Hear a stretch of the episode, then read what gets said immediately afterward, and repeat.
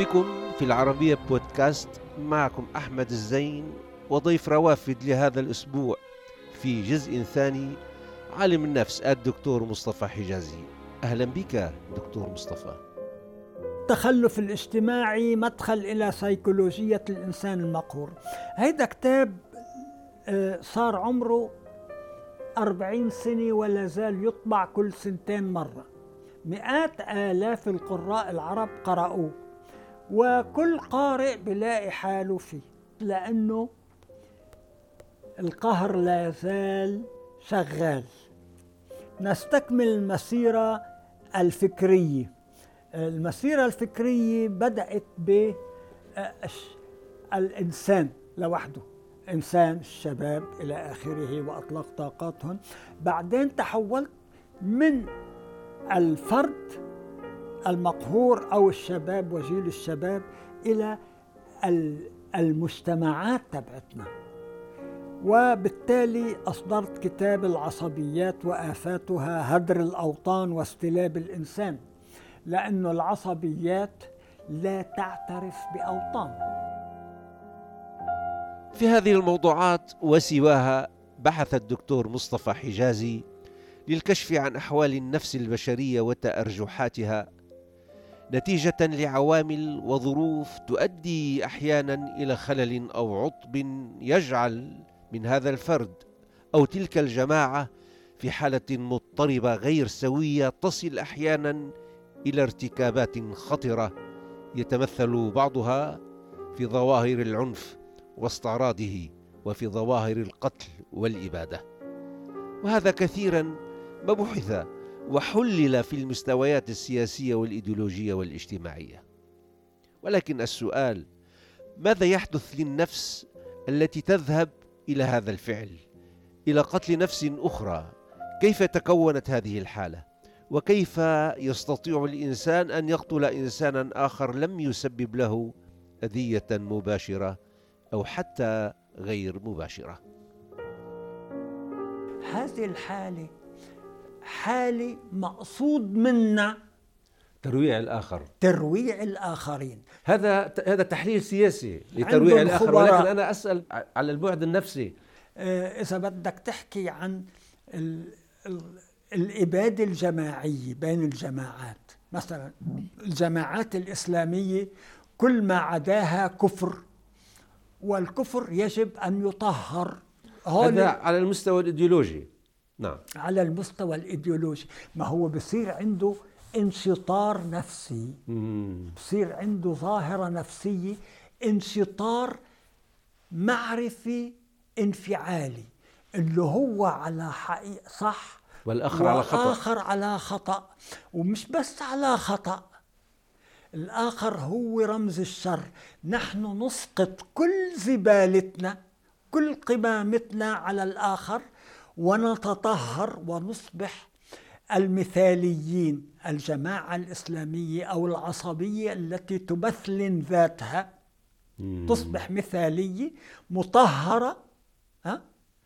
وتصب كل مخازيها اللي سميتها أنا القمام الذاتية على الآخرين. والآخرين يؤسطروا بصير في عملية أسطرة للآخر. صارت أسطورة الشر. أسطورة السوء. وبالتالي أصبح من الواجب النبيل القضاء عليها وتطهير الأرض منها. ناخذ مثلين مثل فلسطين والعدوان الصهيوني على الفلسطيني إنه الفلسطيني إرهابي ويجب أن نطهر الأرض منه. والفلسطيني هو الجويم الجويم اللا انسان وبالتالي هذا اللا انسان هذا بتحكي عن الفكر التوراتي يعني الفكر إيه؟ ما نعم. هو هيدا كمان بعلم النفس أه؟ القتل على الهوية. القتل على الهوية شو هو؟ واحد مجرد إنه خلق من هذا الفريق أو ذاك يقتل. لا يقتل لأنه صار في انشطار معرفي انفعالي سحبت منه إنسانيته. وحمل كل المخازي والشرور والآثام وصار من الواجب النبيل القضاء عليه لحفظ كيان الجماعة المهدد منها منها السرور هاي. نعم. القتل. نعم. القتل على الهوية أو القتل في الحروب الأهلية أو القتل في التصفيات. إذا بدك من علم نعم. النفس آه، الاجتماعي هذه مجرد عصبيات.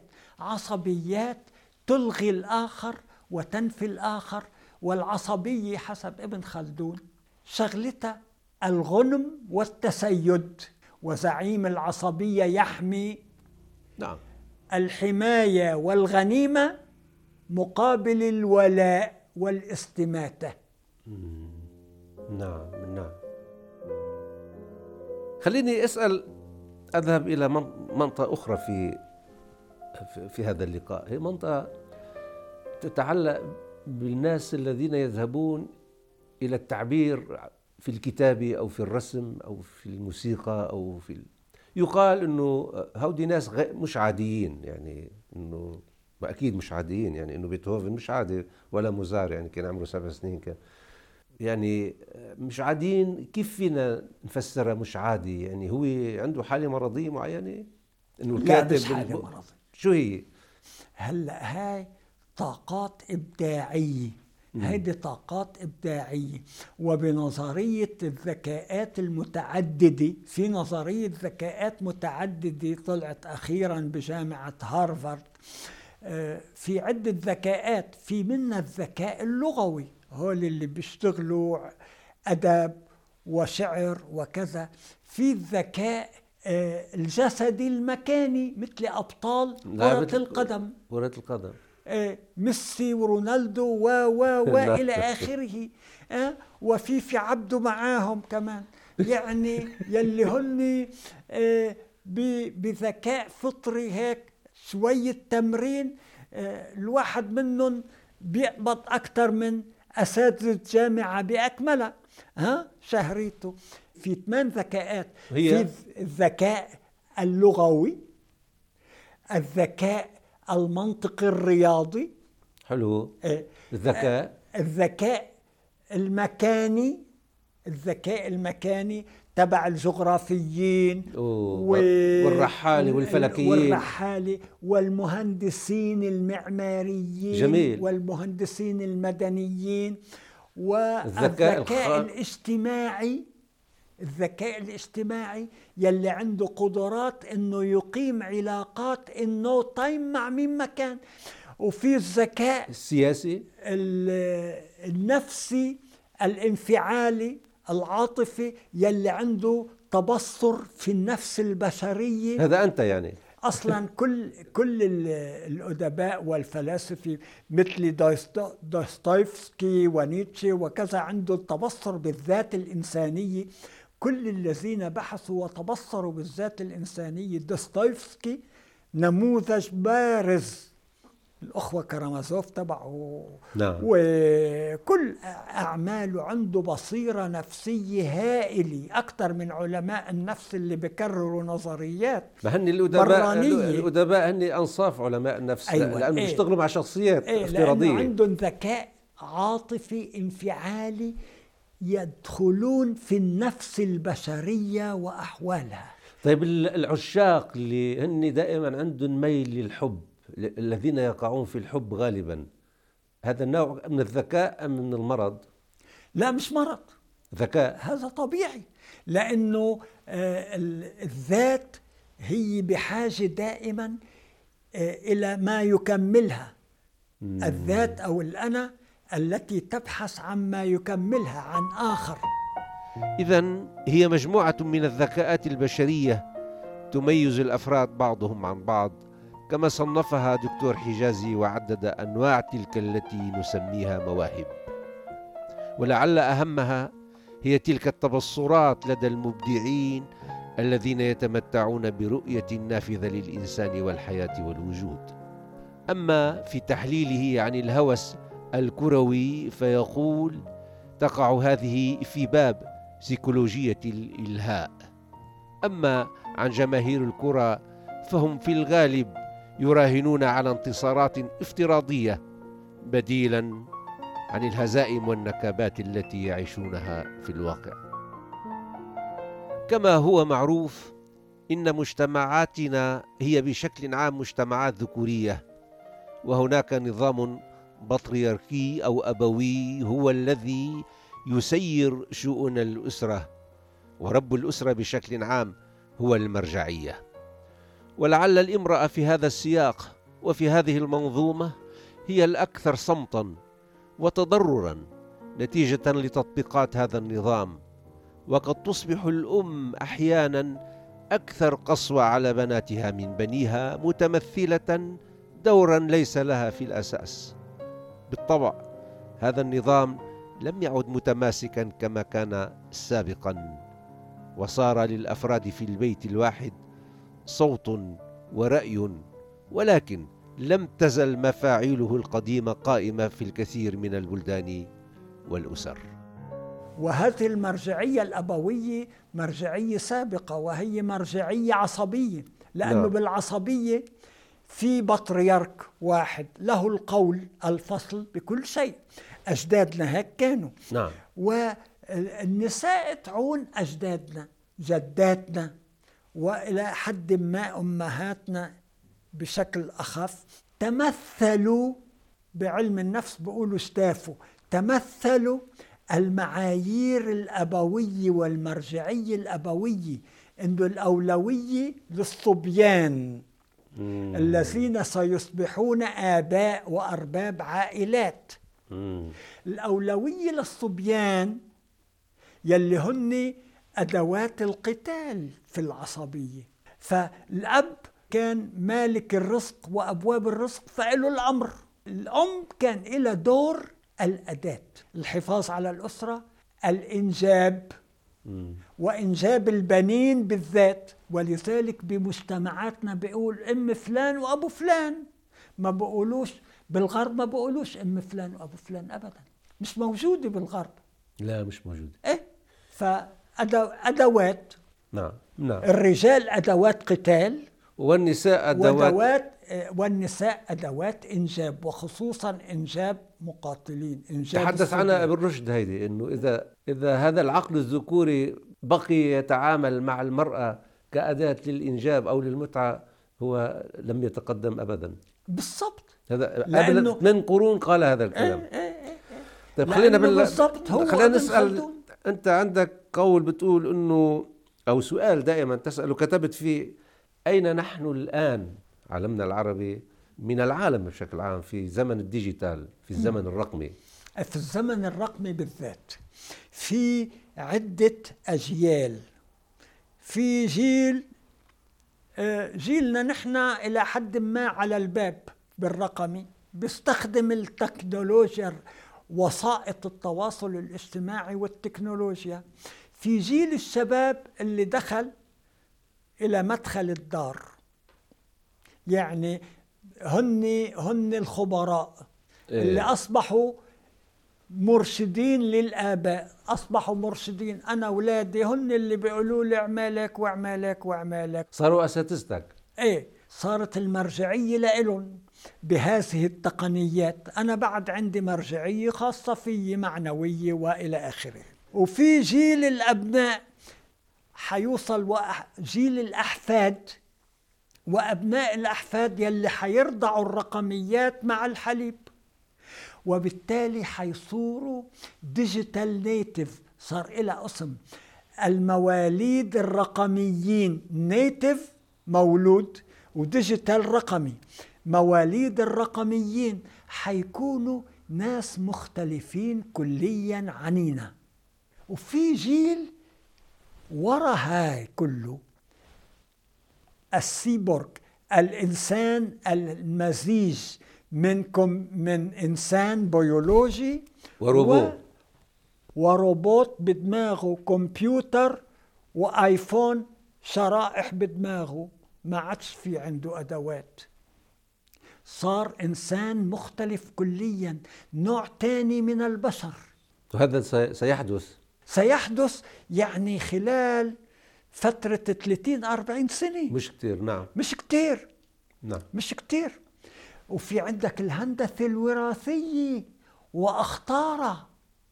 الأخطار الهائلة أنه خلق أجنة حسب الطلب. نعم هذا هذا من الثمانينات عم يعني مطروح إيه الفكرة. إيه تعديل الجينات بخلق أجنة تحت حسب الطلب. إنه بدنا مهندس بدنا قاتل بدنا مستبد إيه بدنا بدنا طبيب في أكثر من يعني. فينا نقول إنه وسائل الاتصال أو الحداثات بهذا المنحى ما بعد الحداثة هاي. ما بعد الحداثة أو الحداثات أو القادمة. ما بعد بعد الحداثة هذه يعني ستدمر الصيغة الإنسانية المتعارف عليها يعني ال- الذي يبقى منها هو الآن يعني هذه اللقاء الإنساني بين اثنين أو ب- أيوة ستدمر طبيعة العلاقات بين البشر.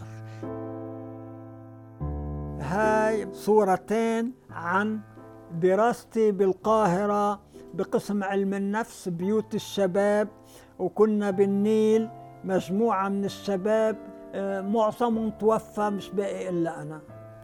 وهيدا صور طلاب قسم علم النفس. هيدي وهيدي صور بالحمراء ثلاث صور بقصر الحمراء بالأندلس. هيدا مجموعة علم النفس اللي كناها مع أستاذ مع أحد أساتذتنا محمد خيري بالوسط. وهيدي صورة تانية مع أستاذ تاني لويس كامل بالوسط. هيدي صورة عن دار المعلمين بأربيل بالعراق لما رحت درست بالبعثة اللبنانية على العراق. وهيدي صورة للبعثة اللبنانية رحنا زيارة للسليمانية بكردستان كمان. خلينا نعود إليك نعود إليك. نحن عم نحكي بكل هذه المعرفة اللي أنت أتيت إليها. نحن عم نحاول نستفيد من هذه المعرفة الذي أتيت أنت إليها وتعمقت فيها ودرستها أنت لماذا أتيت إلى علم النفس؟ ومن أين أتيت؟ أيوة. بدنا نشوف شو العائلة هلأ أنا بدي أشوف أنا بدي أعمل حكيم نفسي. ما أنتم الأدباء والإعلاميين حكماء نفس بالضرورة. حتى تقدروا تتعاملوا مع هالفئات المتنوعة مع البشر عندكم هالكفاءات وهالطاقات وعندكم ذكاء اجتماعي وذكاء انفعالي عاطفي إضافة إلى ذكاءاتكم المتعددة. الواحد ما بيكونش عنده ذكاء واحد ممكن يكون عنده ذكاءات متعددة. صحيح. أو شوي من هون شوي من هون شوي من هون أنا لشو أتيت إلى علم النفس. بالحقيقة نحن تفتح وعينا على ظاهرتين. ظاهرة أولا اغتصاب فلسطين هذه ظاهرة. لما كنا بالثانوي بالمقاصد مقاصد صيدا المطلة على البحر. نعم. بمدينة صيدا القديمة المقاصد مطلة على, على البحر, البحر. نعم. وتحت مننا رأسا المينا أو المرفأ تبع المدينة. نعم. كانت تجي القوارب الشراعية أو السفن الشراعية محملة بالفلسطينيين وتفوت على المينا على المرفأ المدينة ويقعدوا بالجوامع والناس تجيب أكل للجوامع. هذا ب 48 إيه إيه. وبعد منا عبد الناصر والقضية العربية وثورة الجزائر بن بلة عشنا بهالوعي وعشنا بوعي والأحزاب اللي نشأت بهديك الفترة البعث والقوميين العرب والشيوعيين والمنظمين و و و مختلف هالطيف من الأحزاب اللي كان عنده مشروع قومي نهضوي إنه ننهض ببلادنا ونحررها من الاستعمار. نعم نعم. تحرير من الاستعمار. تحرير من الاستعمار من جانب وبناء مجتمعات من جانب. جيلنا تقريبا معظمهم راحوا درسوا بمصر عبد الناصر فتح باب الجامعات المصرية للعرب. صحيح. فرحنا درسنا بمصر مجانا. بدنا نغير مجتمعاتنا. نغير إنساننا نغير كثير منهم راحوا عملوا أنت علم يعني اجتماع. يعني أنت ف... أنت رحت تحت وطأة هذا ال... هذا ال- كان هالرغبة الهم؟ بأنه إنساننا وعلمونا شوي بالثانوي عن علم النفس وكذا أنه نغير إنساننا ونفهم من هو إنساننا وإلى آخره. فهيك توجهت لعلم النفس. مم. و يعني نتيجة رغبة نضالية. آه، نتيجة رغبة شخصية وهم وطني عام. نعم. هم وطني عام. يعني كان عندك مسعى لتغيير كان العالم عندي وسعة لتغيير مسعى. لل- للخلاص من بعض آه، الأحمال والأثقال اللي نحن نشأنا في بيئة زراعية آه، أنا نشأت زراعية أصلا. الوالد كان كان آه، عنده جنانات كان ليموت. مزارعين وكان في صعوبات بعد الحرب العالمية الثانية كان في قحط وفقر شوي وكذا. فكان في صعوبات حتى نتحرر درست علم النفس للتحرر الذاتي من ناحية وتحرير إنساننا وبناء مجتمعاتنا. كان عندنا الرغبة ببناء مجتمعاتنا كتار مننا راحوا عملوا علماء اجتماع. صحيح. إيه. فعلماء اجتماع وزراعة و و و. إلى آخره. وأنا آه، شخصيا من الأول بدراستي لعلم النفس بجامعة عين شمس كان في فرع وحيد لعلم النفس وقسم وحيد. كانت دراستنا مميزة لأنه كان عددنا قليل جدا عشرين واحد. وكان أساتذتنا كلهم مميزين كلهم خريجين الغرب. إنجلترا السوربون جامعة لندن جامعة السوربون جامعات أمريكا. تعليم مميز على عشرين شخص وكنا ندخل ميدانيا من الأول. وبعدين درست بفرنسا لعلاج ورعاية ال- الطفولة غير المتكيف ميدانيا. ومن احتكاكي بالميدان مع الأسر ومع الناس ومع الحالات وأسرة. صرت مهتم بإنساننا. من هو هذا الإنسان؟ صرت أعرف يعني أنا وعم بشتغل هالنماذج من البشر. هذا اللي خلاني ألف الإنسان المقهور عن الفئات الشعبية اللي كنت أتعامل معها والإنسان المهدور كيف. الكفاءات المهدورة. وإلى آخره أخذت هالمنحى هيدا وعممته إلى منحى المجتمع وتنمية المجتمع بكتبي الأخيرة طيب إذا بدك تعمل لي قراءة نفسية لي أنا قبل ما نختم هذا الحوار هون. بثلاث دقائق بدك عيادة نفسية بتجي لي بناخد موعد يلا خلص. بنقعد بندرس قضاياك وشو بدك خالص وفقت بدراسة قضاياك ساعتها باستشارة علمية وكمان مدفوعة الأجر لازم تكون حتى تكون جدية من جانبك وجدية من طبعا جانبي. طبعا ممكن نقسطها مشان نعمل كذا جلسة. إيه. أعزائي يمكنكم متابعة روافد على مواقع التواصل الاجتماعي تويتر وفيسبوك ويوتيوب. كما يمكنكم الاستماع إلى روافد على العربية بودكاست.